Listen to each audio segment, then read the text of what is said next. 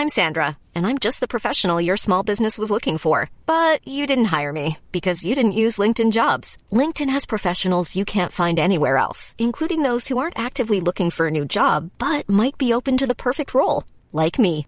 In a given month, over 70% of LinkedIn users don't visit other leading job sites. So if you're not looking on LinkedIn, you'll miss out on great candidates like Sandra. Start hiring professionals like a professional. Post your free job on linkedin.com/people today.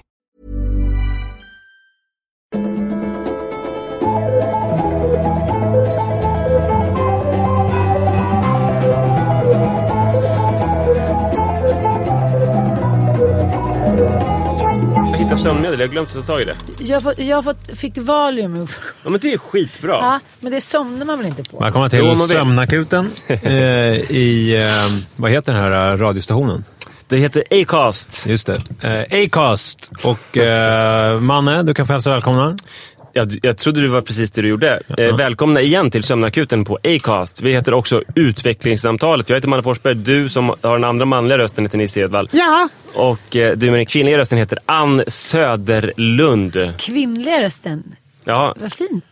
Den hesa viskrösten. jag tänkte liksom inte det som... Som något fint, utan som något äckligt. Jag, tänkte inte Som det den som, misogyna. jag, jag tänkte bara det som ett konstaterande, att du är kvinna och har en har röst därefter. Idag är, Jag- lite, idag är lite speciellt. Vet ni varför? Nej? Nej. För att, Manne, du har med dig en fråga som är... Liksom, Från ett kollektiv. Från ett kollektiv. Ja. Det, det är skitspännande. Nej, men det här Ja, är, för vi har ju alltid sagt så här, mejla gärna frågor. Mm. Våra mejladresser då. Eh, Eller DM på Instagram. Men nu har det uppstått en, ett nytt sätt att ställa frågor på. Det är att lite vagt formulera frågor som mannen plockar med sig till Ja, podden. men det kändes så jäkla viktigt för att jag I tycker det är sammanhang. ett, ett tema som eh, ja, har varit jätte, jättestort bland mina vänner och kanske också min egen relation back in the day. Eh, så att jag har längtat efter en fråga om det. Och nu är det så att jag har börjat ha en pappagrupp. På onsdagar i Mälarhöjdens kyrka. Det är tyvärr fullt så ni kan inte komma. Men nu vet ni att det är på onsdag i Mälarhöjdens kyrka. Och A där- movement, a movement. och dit kommer jättemysiga pappor och pratar om grejer. Och ett så här tema som dyker upp hela tiden, det är min partner eh, tycker att jag är ansvarslös eh, och slapp. Och jag tycker att min partner är överbeskyddande. Eller tvärtom också.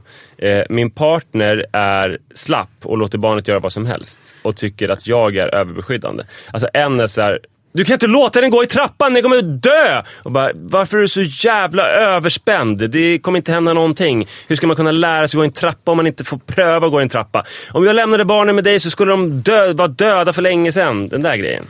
Okej, och ser du någon könssegregation här?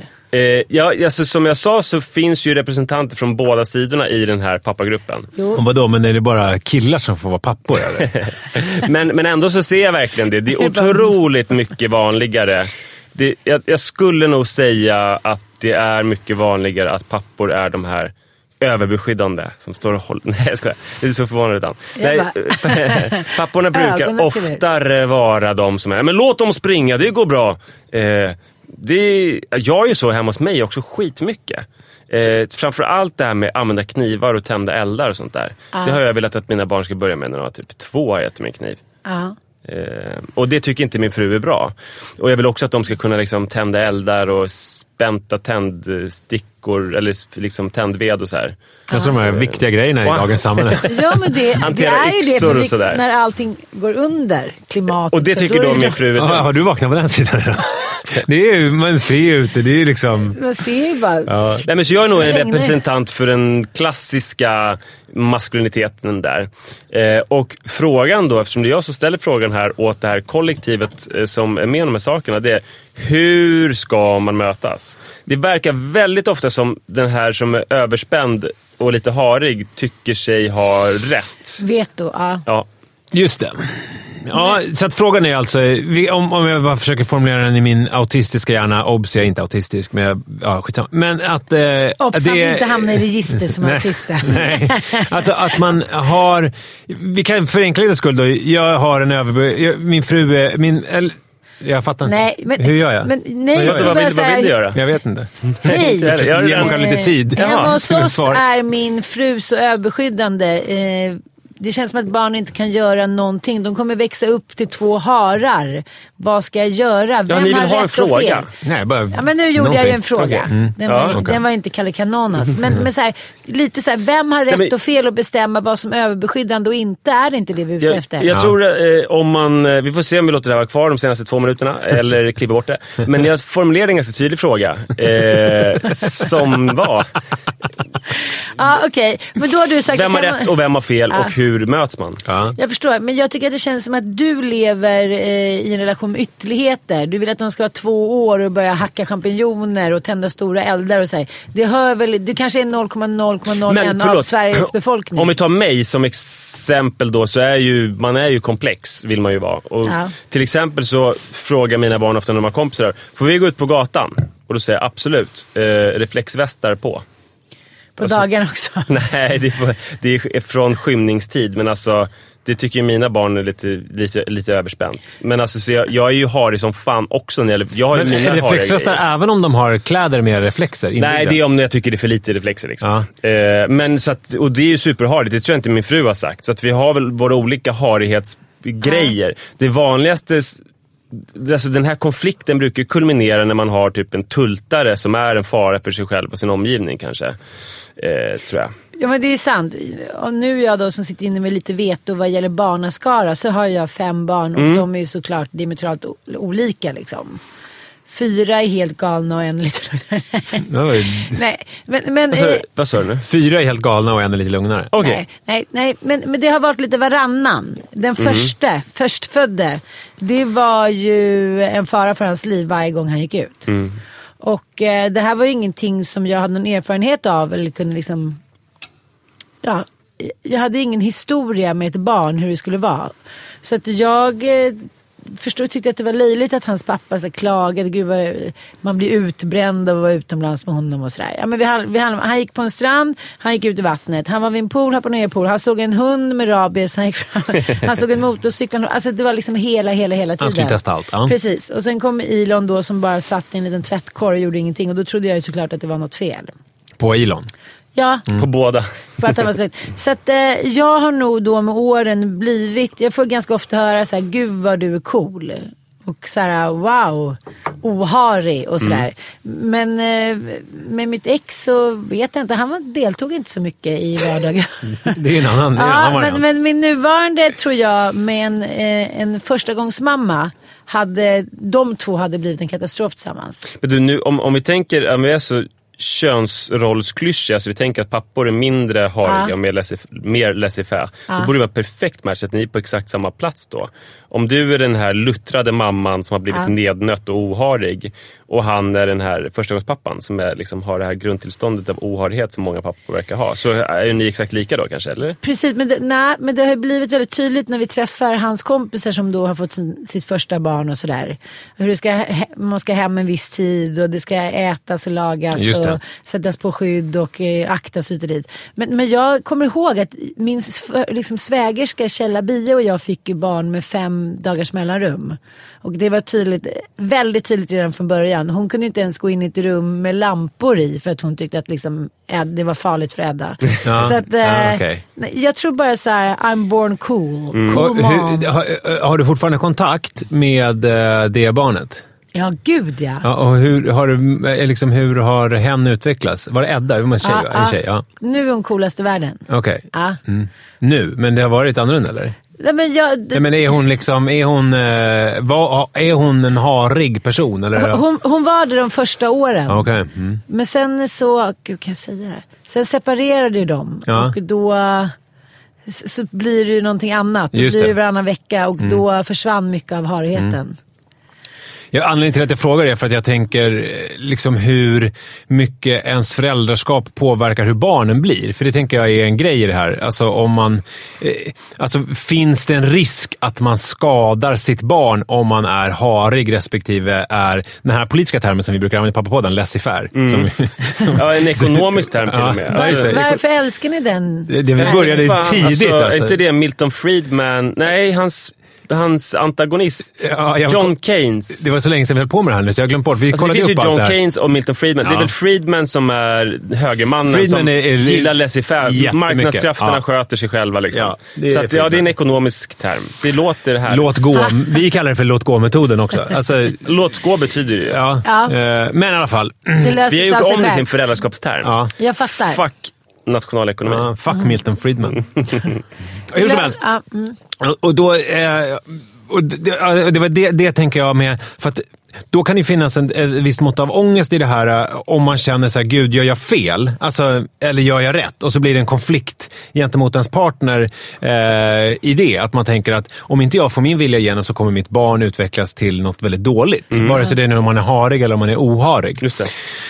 Och eh, det där är ju jättejobbigt. Och där kan jag väl säga så här, jag har, nu har jag bara två barn till skillnad från dig Jan, men jag känner att det, det- alltså, just den här delen av föräldraskapet påverkar, alltså barnen har någonting i sig från början upplever jag, som, är, som man inte riktigt kan påverka om man är överbeskyddande eller om man är liksom... eh, Nej, det där var mest korkade jag har hört från dig. Okej. Ja.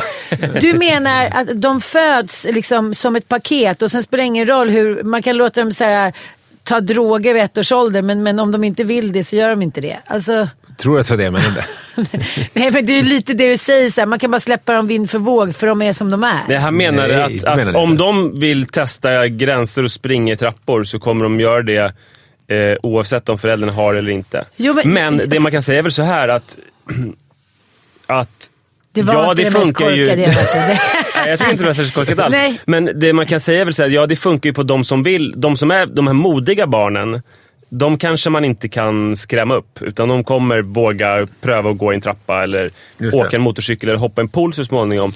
Men de här lite försiktiga barnen i kombination med en harig förälder. Det kanske kan vara, skulle inte det kunna vara en ganska dålig kombination? Kanske det skulle kunna vara. Fast jag tycker man kan jämföra med eh, när någon man känner hamnar i en relation med en väldigt dominant kvinna eller man.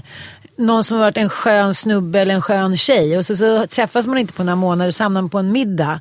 Och så plötsligt så är den personen jätteängslig. Så här, var det okej? Och Nej, vi ska gå hem nu och vågar liksom inte skämta eller vad det nu vill göra. Dricka för mycket lite dit. Helt plötsligt så är det liksom en sordin på personligheten. Och det kan man ju såklart sätta på vem som helst. Det har jag sett jättetydligt med mina kompisar och deras barn. Så här, Akta där och eh, man hör barnen säga nej det är farligt har mamma sagt. Det kan man inte göra. De är så som små papegojor. Så redan från början, alltså, det som är med mina barn är att de har ju fått bli ganska fria själar av olika orsaker. Dels för att jag kanske inte liksom har hunnit hinna med allihopa. Så att det var så här, okej, nu har ju det tagit tre gått bra. Men, men eh, Mattias tycker också så när, liksom, när vi träffades, så här, gud vad du, eh, wow vad du liksom litar på dem, de springer före. Och, men, men jag tycker så här, om man har en till, om det inte liksom är helt galna barn, så har man ju så här, en tilltro till dem. Man har ju rätt bra koll, man, man lirar med varandra. Det kan man ju göra redan från när bebisen är en månad. Man säger, nu orkar inte jag amma mer. Man kan, liksom, man kan ha en blick till varandra, ett band. Och det tycker jag har funkat ganska bra med barnen också. Nu kan ju liksom Frasse springa som en galning, även när vi är ute i trafiken och Bobo också. Så, så här, du vet, jag vet att de vet att så här, vi håller inte på att fucka, vi stannar där vid övergångsstället för då får vi springa igen. Är inte det en underbar känsla att man så här, blir litad på redan som liten? Jo. Men om man är sådär ängslig, det skapar en oro. Och min Mattias är mycket mer stressad än jag. Och jag märker direkt när vissa beteenden går över till barn. Det gör de säkert för mina också. Så att liksom han får komma och kritisera mig sen. Vi hade ett samtal om det här om dagen. Jag sa så här, ja, men nu när det är regnigt och så han går upp så här, åh vad regnar, åh vad jobbigt, åh mina linser, åh gud det finns ingenting. Alltså han sätter en neggig, ängslig tonvikt på morgonen. Då kommer Bob också upp. Ah, ja, nej, vänta här. Det, nej, nej. Och så påpekar det så här, kolla här nu, det här är det som sker. N- när du liksom hela tiden går upp och an, ansätter, liksom sätter en surton. Jaha, gud, jag har inte tänkt på förlåt, det, det ska jag inte Vilken göra. drömman som säger så. För Ah. om man är så grinig, så kommer det upp ett grinigt barn. Och sen blir ens fru grinig av allas grinighet och förklarar ens orimliga beteende. Ah. Då skulle nog många bli ännu grinigare. Precis. Och bara, vad fan säger du? Men han tar till sig där i, stil, i, i liksom den, det tycker jag är starkt av honom. Det Men, men håller ni inte med om att massa beteenden påverkar? Jo, verkligen. Jag skulle bara vilja eh, fråga, för att det här stämmer ju som du säger, men ofta en, en, en vanlig situation tror jag eh, hos de som har yngre barn, det är ju att eh, mamman kanske har varit föräldraledig rätt länge och har jävligt bra koll på barnet. Ah, ah. Så hon har märkt att vi har nu en dryg ettåring som fan helt livsfarlig. Så ligger hon steget före så vet hon att när mitt barn sitter där och, och försöker dra av sig strumpan så kommer den snart lyckas dra av sig strumpan. Sen kommer den falla bak och slå i bakhuvudet i parketten. Så då kanske man ska gå fram där. Och pappan tycker att du är överspänd. Fast det är så att hon är jävligt tränad och kanske ligger steget före. Mm. Och det jag menar, jag vet inte om man kommer bli en bättre människa för att man får dra av sig strumpan och slå... Förstår ni situationen? Att Ja, man jag drar och drar Mm. och sen så får man tag i den så faller man bakåt och slår i bakhuvudet. Alltså, Händer det- mig varje morgon. blir man, tror man blir en bättre människa Denise? Att man får göra nej, det? nej, det tror jag inte. Men det som jag var inne på förut, innan jag eh, hade den sämsta, eh, sämsta grejen någonsin. nej, men det var att det som jag tänkte på var att det Förlåt. kan... Nej, men det är ingen fara. Men, men det som jag Kolla, tänkte på var så här... Nej, men att, ledsen, att, att, det kan, att det kan vara så här att man tror att jag vill mitt barns bästa Mm. och, och, och, och du vill diametralt motsatt Mm. eh, det och det kommer skada mitt barn. Och det, det som jag menar är så här, jag tror inte att man, alltså att man är så olika så att man skadar sitt barn. Så jag tror att, alltså, jag, jag tänker att där, då kan man ta lite udden av själva ångesten kring det här problemet. Att den ena är överbeskyddande och den andra är liksom eh, lite mer laissez-faire. Alltså, det, var, det var mer dit jag ville. Inte att man skulle ge sitt barn knark. Ja, men det är smart, för kan man tänka så här, så länge mitt barn inte typ så här förgriper sig på barnet eller tar med det till jättefarliga nattklubbar Planning for your next trip? Elevate your travel style with Quince. Quince has all the jet setting essentials you'll want for your next getaway, like European linen, premium luggage options, buttery soft Italian leather bags, and so much more. And it's all priced at 50 to 80% less than similar brands. Plus, Quince only works with factories that use safe and ethical manufacturing practices. Pack your bags with high-quality essentials you'll be wearing for vacations to come with Quince. Go to quince.com slash trip for free shipping and 365-day returns. I'm Sandra, and I'm just the professional your small business was looking for. But you didn't hire me because you didn't use LinkedIn jobs. LinkedIn has professionals you can't find anywhere else, including those who aren't actively looking for a new job but might be open to the perfect role, like me. In a given month, over 70% of LinkedIn users don't visit other leading job sites. So if you're not looking on LinkedIn, you'll miss out on great candidates like Sandra. Start hiring professionals like a professional. Post your free job on linkedin.com/people slash people today. knark, Ja. så är det nog bra. Vi kör varsin metod och sen så landar vi i någonting bra. Och att man ju som föräldrar ofta kompletterar varandra. Men det som är problemet här är väl om det är så att den som att en tror mycket mer än den andra att den har rätt. Så att det blir en konflikt. Så Och så man, verkar det nästan alltid vara. Ja, och att då de här papporna då som kanske inte har varit föräldralediga och som, eh, som är lite mer låt gå, kanske känner sig lite förminskade och så här, gud, eh, jag har ingen... eh, Jag, jag, jag, jag vet inte, jag blir ifrågasatt hela tiden. Och det är ganska tråkigt och jobbigt för mig som förälder. Och där är ju det här som du beskriver så fint i Pappologi tror jag du skriver om det. Ja, men det här med att, eh, eh, alltså just vikten av att vara pappaledig. Ju. Alltså att man, får, att man får vara själv med barnet och lära sig allt det här. Att man har huvudansvaret. Ja. Dock så när jag var ute med Iris i parken någon gång, de var just i den här ett och ett halvt års åldern, så uh, åkte hon i en sån här rutschkana som är som ett rör. Ja. Och så står en åldersgräns, man får inte vara under sex år. Det är ju ingen som respekterar såklart. Nej. Utan man åker ju med. Men det hon gjorde var att hon åkte med huvudet först. Och tydligen så hann jag inte hindra henne från det. Och det var ändå så, och så fick vi åka till tandakuten och fick en sned tand och så här, som sen stabiliserade sig. Men då, då kunde inte Sara ändå låta bli och säga att så här, visst att det kan hända. Men det hade aldrig hänt mig. Not on my watch. Det hade aldrig hänt mig att Iris hade åkt med huvudet före nerför den rutschkanan. Hade hon en poäng i det eller? Tror du? Ja, säkert. Det har aldrig hänt. Nej. Men eh, jag är lite tvärtom. Jag blir liksom Stolt. Nej, jag blir irriterad när de inte är tillräckligt modiga. Jag är såhär, åk Mm. ner för där du Frasse. Han bara, jag vågar inte. Jag bara, det gör du visst ändå. Men det där är en annan grej som jag tänkte på i mitt eget föräldraskap med Manne respektive Joel, som jag också har tagit upp tidigare. Vilket är kanske besläktat med det här lite grann.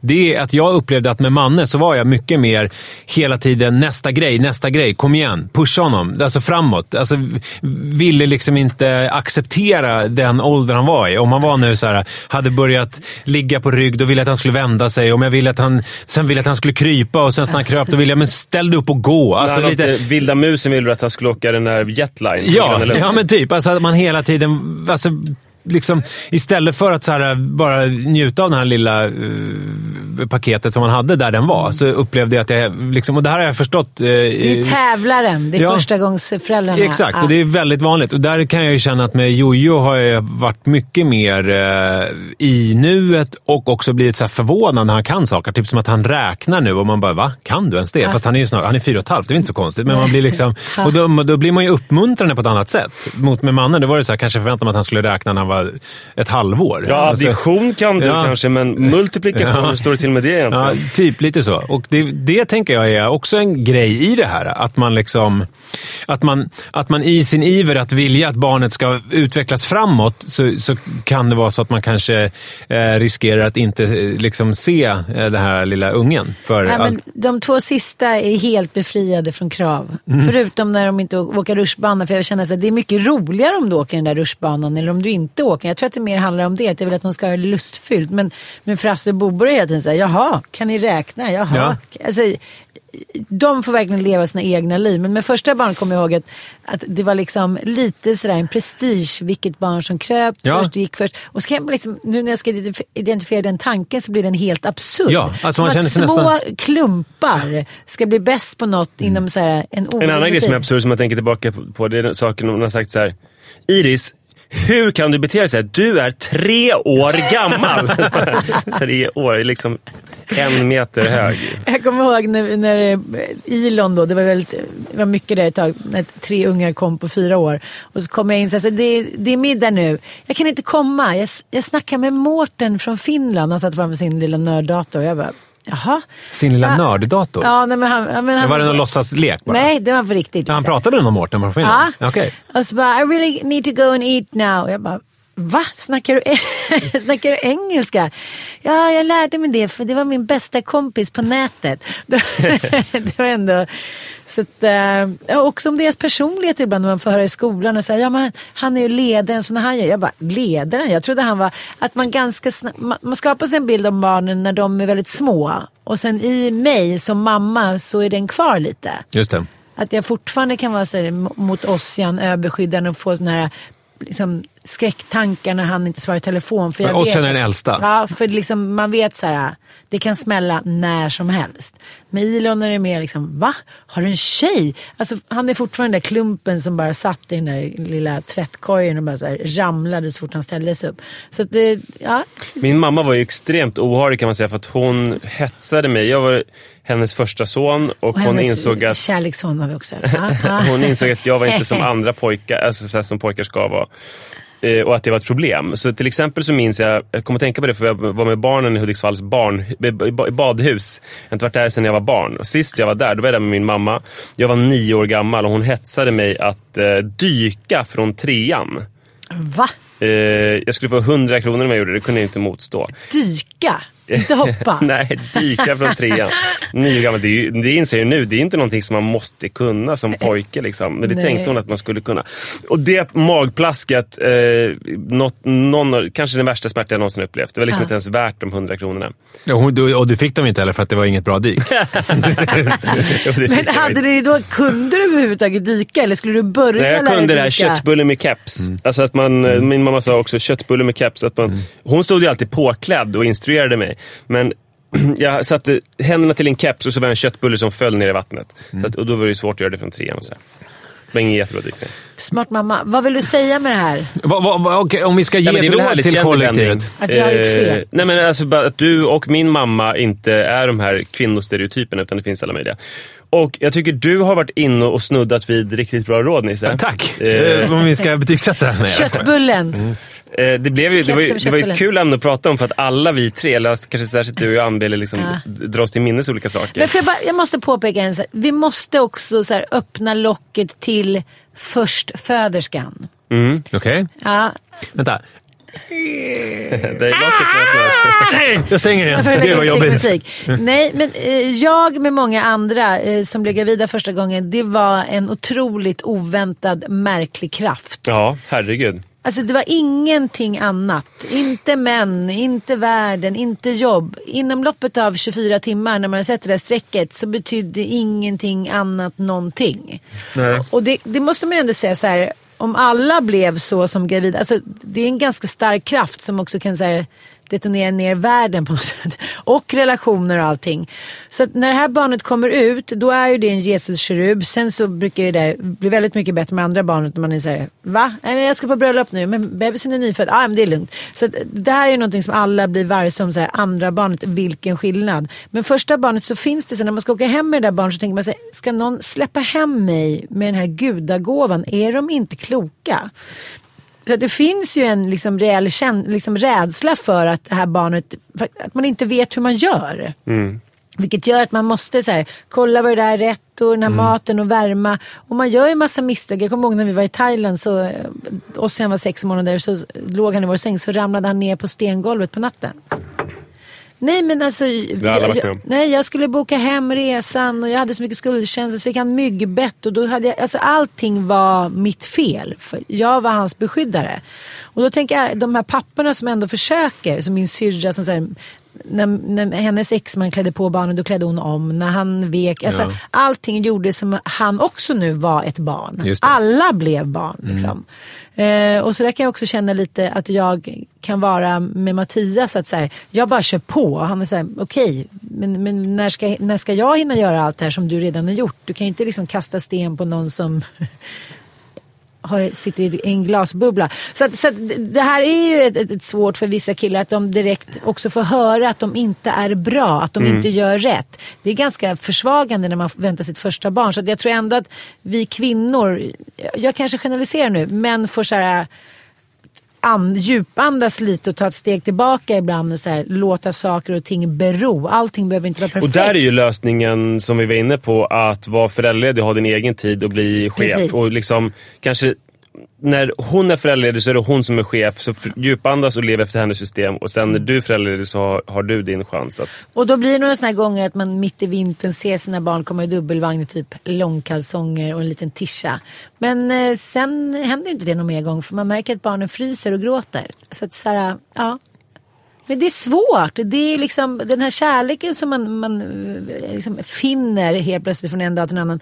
Den är ju så omtumlande och så sårbar och också så jävla exklusiv.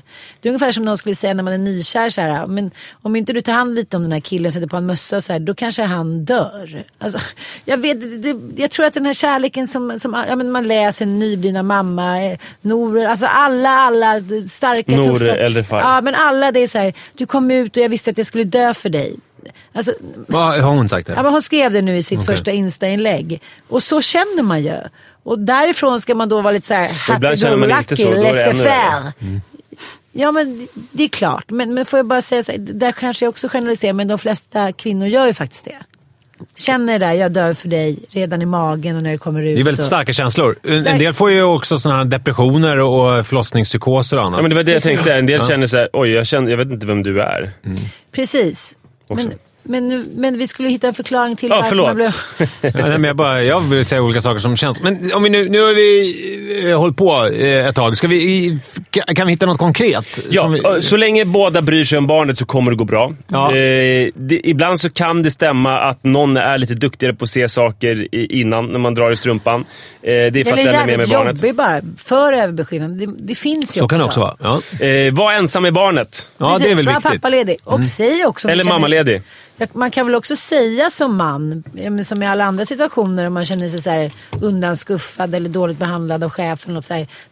Jag gör mitt bästa, jag tycker att det här var fint de här kläderna. Eller jag tycker att jag gjorde bra. Eller jag är ledsen att maten var varm. Men så här, give me a fucking break. Det, Mm. det måste man väl kunna prata om. Det tycker jag verkligen.